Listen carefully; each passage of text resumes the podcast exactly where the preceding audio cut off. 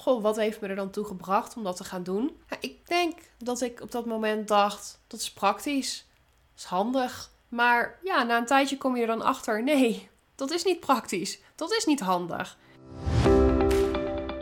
Een podcast is natuurlijk ook gewoon een plek waarin ik mijn hersenspinsels kwijt kan. Waarin ik gewoon mijn gedachten die ik heb over een bepaald onderwerp met jou als luisteraar kan delen. Ook al kun je niet terugpraten. Maar als je mij een beetje kent, dan weet je dat ik uh, graag praat. Misschien dat ik soms ook wel wat langdradig kan zijn aan het praten. Maar dat is gewoon omdat ik graag veel deel. Ik wil graag veel vertellen. Ik wil je meenemen in waar mijn gedachten heen gaan. Op welke zijsporen ik allemaal kom. En dan ook weer terugga natuurlijk naar het originele onderwerp. En bijvoorbeeld als ik ga typen, dan is dat toch lastiger. Als je gaat typen, als je iets gaat opschrijven, ja, dan heb ik er voor ik er erg in heb, heb ik van alles opgeschreven. Instagram straft je daar natuurlijk gelijk voor af, want die geeft maar een maximum aantal tekens. Misschien dat ik daarom ook nooit zo'n fan ben geweest van Twitter, want daar heb je er natuurlijk nog minder. Ja, ik kan daar vaak, vind ik zelf, dan net de nuanceringen niet kwijt, bijvoorbeeld op Instagram. Het moet dan heel beperkt blijven en het liefst neem ik je gewoon mee in alle kanten waar mijn hoofd op gaat. En toen dacht ik, ja, dat kan ik natuurlijk ook gewoon kwijt in mijn podcast. Dus zie hier de aflevering waarin ik je gewoon meeneem in wat er allemaal bij mij in mijn hoofd omging. Dit keer gaat het over het onderwerp persoonlijk. Want persoonlijkheid in het werk vind ik super belangrijk. Ik neem je mee in de gedachten daarachter. In mijn werk als jurist heb ik contact met mijn klanten omdat zij natuurlijk voor hun bedrijf juridische documenten zoeken. En om die documenten op te stellen heb ik input nodig van de klant. Want als ik niks weet van de klant, als ik niks weet over het bedrijf van de klant, als ik niet weet wat de klant belangrijk vindt, ja, dan kan ik geen goede juridische documenten opstellen. Maar wat ik laatst had gedaan, eigenlijk nadat ik naar Canada was verhuisd, had ik het persoonlijke contact uit mijn dienstverlening geschrapt. In die zin, de calls die ik had, de Zoom-meetings die ik had, die had ik er standaard uitgehaald. Want ik dacht, praktisch. Ik zit op een tijdsverschil, dus het wordt lastiger om afspraken in te plannen. Weet je, ik haal dat persoonlijke contact er gewoon uit. En als iemand dat nog wil, dan kunnen ze dat bijboeken. Maar ja, eigenlijk merkte ik, ik mis dat persoonlijke contact. Want uiteraard mailde ik wel met mijn klanten en ik stuurde ze een intakeformulier, wat ze dan zelf moesten invullen. En dan gingen we per e-mail contact hebben. En dan ging ik aan de slag met documenten opstellen. En dat ging natuurlijk wel gewoon goed, maar het is niet hoe ik het liefste werk. Ik wil juist jou spreken. Ik wil juist die intake samen hebben. Vertel mij, wat doe jij met jouw bedrijf?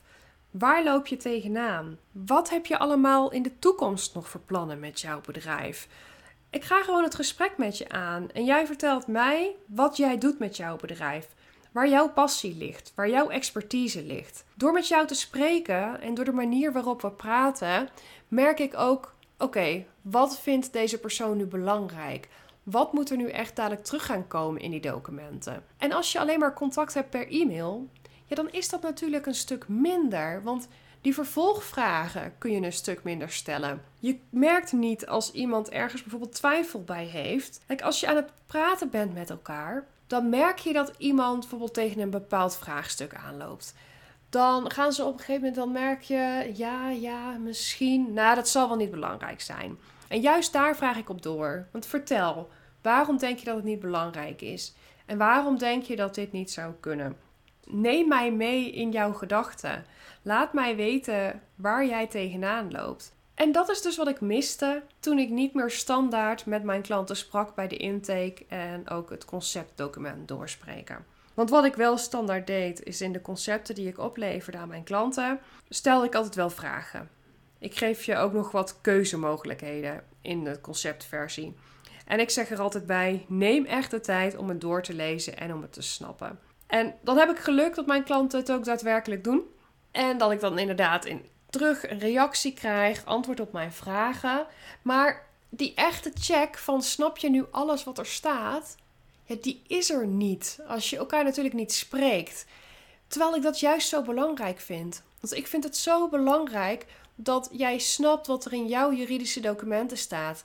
Ik vind het belangrijk dat jij zaken doet op voorwaarden waar je achter staat en die je ook begrijpt. En ik stel de documenten natuurlijk wel op in een taal die leesbaar is. Ik vermijd al het juridische jargon zoveel mogelijk, want ja, daar wordt volgens mij niemand gelukkig van. Dus ik denk dat je de documenten toch al wel snapt, ook al lees je ze. Maar dan nog, het is zo belangrijk om ze samen door te spreken. Want ik zie aan jou en ik merk aan jou en aan je reactie of het wel of niet landt. En waar je wellicht nog wat meer vragen hebt.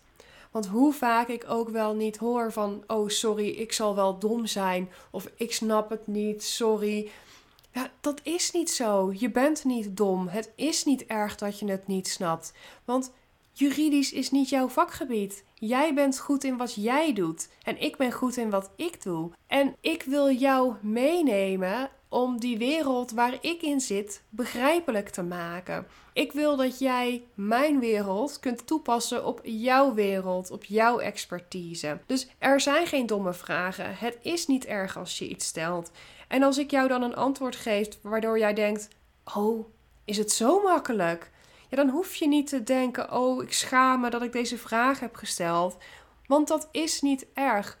Mensen komen natuurlijk bij mij omdat ik hier iets van weet. En mensen komen bij jou omdat jij iets weet van waar jij goed in bent. Ik hoop je hier ook mee te inspireren van er zijn geen domme vragen. Er, het is niet dom om meer informatie te vragen over een onderwerp waar je niks van weet. Of wat je gewoon niet helemaal ja, tastbaar kunt krijgen. Wat je niet volledig kunt begrijpen. Stel je vragen alsjeblieft. En dan even terugkomen natuurlijk waarover ik het net had. Als je dus met elkaar spreekt, als ik zo'n Zoom-call heb met iemand, dan merk ik of dat jij het begrijpt of niet. En dan kan ik het in andere bewoordingen uitleggen. En dat is dus ook de reden waarom ik uh, een week of twee heb besloten. Ik ga gewoon dat persoonlijke contact er wel weer in stoppen. Dat tijdsverschil, ja, dat maak ik misschien moeilijk. Het is niet onoverbrugbaar. Ja, mijn dag begint iets later ten opzichte van Nederland gezien. Maar ik begin altijd wel hartstikke vroeg met werken op de dag. Want dat vind ik fijn. Mijn wekker gaat, maakt niet uit welke dag, van maandag tot en met zondag om 6 uur. Dus ik ben gewoon op tijd beschikbaar voor Nederlandse klanten. En het fijne is dat zodra Nederland naar bed gaat, heb ik nog gewoon mijn werkdag en kan ik lekker aan de slag met de inhoud van de documenten. Maar ik kan de dag dan beginnen juist met die calls met mijn klanten. En dat is wat ik echt heel prettig vind. Dus ik heb besloten, ik ga dat persoonlijke contact er gewoon weer instoppen. Want dat is juist waar ik ook blij van word om met mijn klanten te gaan spreken.